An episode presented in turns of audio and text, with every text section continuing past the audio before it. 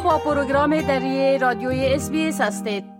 حال با جاوید روستاپور خبرنگار برنامه دری برای جنوب آسیا به تماس هستیم که اونا طبق معمول درباره تازه ترین رویدادها در افغانستان صحبت می‌کنن آقای روستاپور با عرض سلام خب اولتر از همه گفته میشه که در مورد بسته شدن سفارت های عربستان سعودی و امارات متحده عربی در کابل واکنش ها و افواهات تبارز کرده. بله؟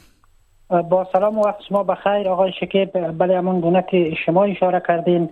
همزمان با پخش گزارش ها درباره بسته شدن سفارت های عربستان سعودی و امارات در کابل واکنش های بسیار جدی در رسانه ها و شبکه های اجتماعی این مسئله در پی داشت. از جمله خود طالبا واکنش نشان دادند و زبیلای مجاهد از کشورها و جهان خواسته است که از روی مرحمت و عاطفه انسانی با با گفته او امارت اسلامی برخورد کنند. آقای مجاهد تاکید کرده که فشار ایجاد تشویش و خواستهای مداخلگرانه به نفع هیچ کس نیست و در گذشته هم این مسئله نشان داد که نتایجی در پی نخواهد داشت. لحنی آقای مجاهد در این گفتگویی که با رسانه ها داشت لحنش نسبت به گذشته بسیار ملایم و نوع تذر آمیز بود این این نشان می‌داد که این مسئله فشار زیادی بر طالبان وارد کرده است. از سوی هم شماری از آگاهان کارشناسان و مخالفان سیاسی طالبان و همچنان کاربران شبکه اجتماعی در پیوند با این موضوع واکنش بسیار جدی نشان دادند.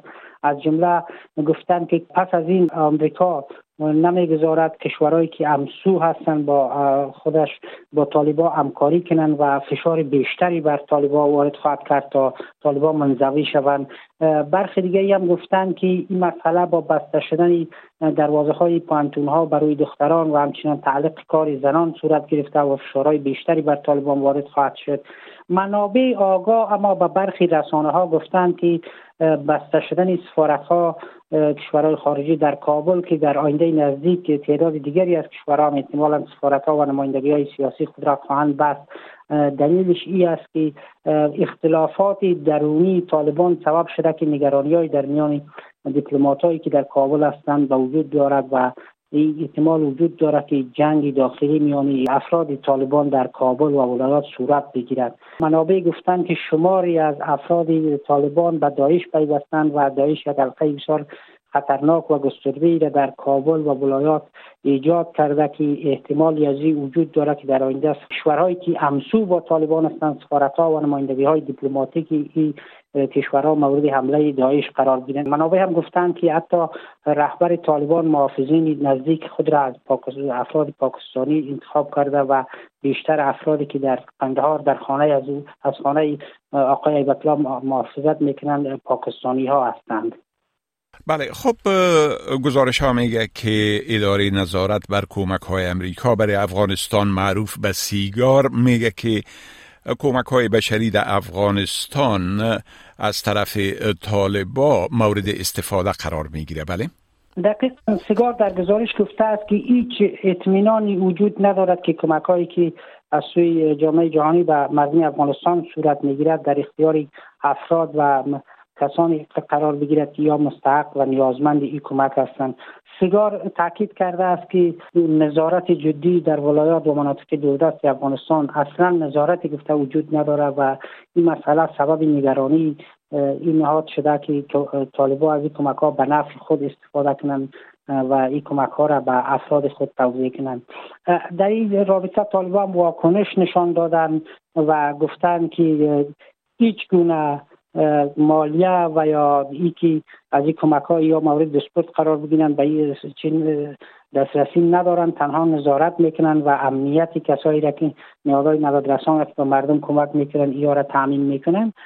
اما در گذشته واکنش در گذشته شکایاتی وجود داشت که کمک های نیازهای بین به افغانستان به دسترس مردم نیازمند قرار نمی‌گیرد و در ولایات و مناطق دوردست افغانستان بیشتر افراد طالبان این کمک ها را غصب می‌کنن و به وابستگان و نزدیکان خود توضیح می‌کنن حتی گزارش شد که بخشی از کمک هایی که مستقیم به وزارت حالات استرار طالبان سرازیر میشه از جمله ترکیه چین و این کمک ها این کمک ها مستقیم به وزارت دفاع و داخله طالبان انتقال داده میشه و از این کمک ها در بخش ایواشه ایاته نیروی طالبان قرار می‌گیرد.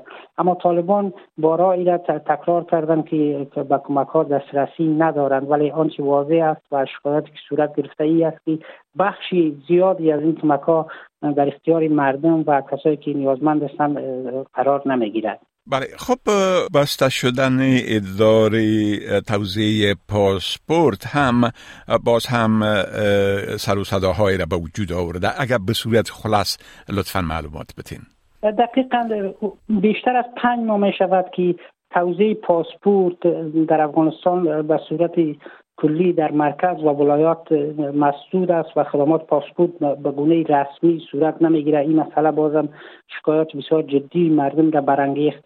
اما این شکایت ها سبب شد که زبیولای مجاهد سخنگوی طالبان در رسانه های ظاهر شود و در خصوص اینکه پاسپورت خدماتش عرضه نمیشه و بسته است. یک یک سری اطلاعات و معلومات را ارائه کنه آقای مجاهد پذیرفت که مشکلات فنی و همچنان مشکلات اداری در اداره پاسپورت سبب بسته ماندن پاسپورت شده. او تاکید کرد که 300 تن از کارمندان اداره پاسپورت در مرکز و ولایات از کار برکنار شده و شماری از افراد محکوم شدن به فساد و به زندان ها به سر می‌برند. او گفت که یک تیم تکنیکی کار می‌کنند تا مشکلات تکنیکی را رفع بسازند و دوباره خدمات پاسپورت را از سر بگیرند اما منابع میگن که پاسپورت عمدتا امروزه توضیح میشه در بدل یک هزار دلار و بالاتر از او به افرادی که پول می‌دهند و افراد طالبان عملا پول می‌گیرن از مردم و پاسپورت را در بدل پول توضیح می‌کنن و کسایی که فرم پر می‌کنن و به گونه آنلاین یا اقدام کردن ما می‌شد که در انتظار هستند و طالبان ظاهرا میگن که مشکل تکنیکی سبب توقف روند توزیع پاسپورت است. بله خب بسیار تشکر آقای روستاپور از این معلوماتتان و فعلا شما را به خدا می سپارم و روز خوش برتان آرزو می کنم وقت شما هم خوش خدا حافظ ناصرتان. بپسندید. شریک سازید و نظر دهید. اسپیس دری را در فیسبوک تعقیب کنید.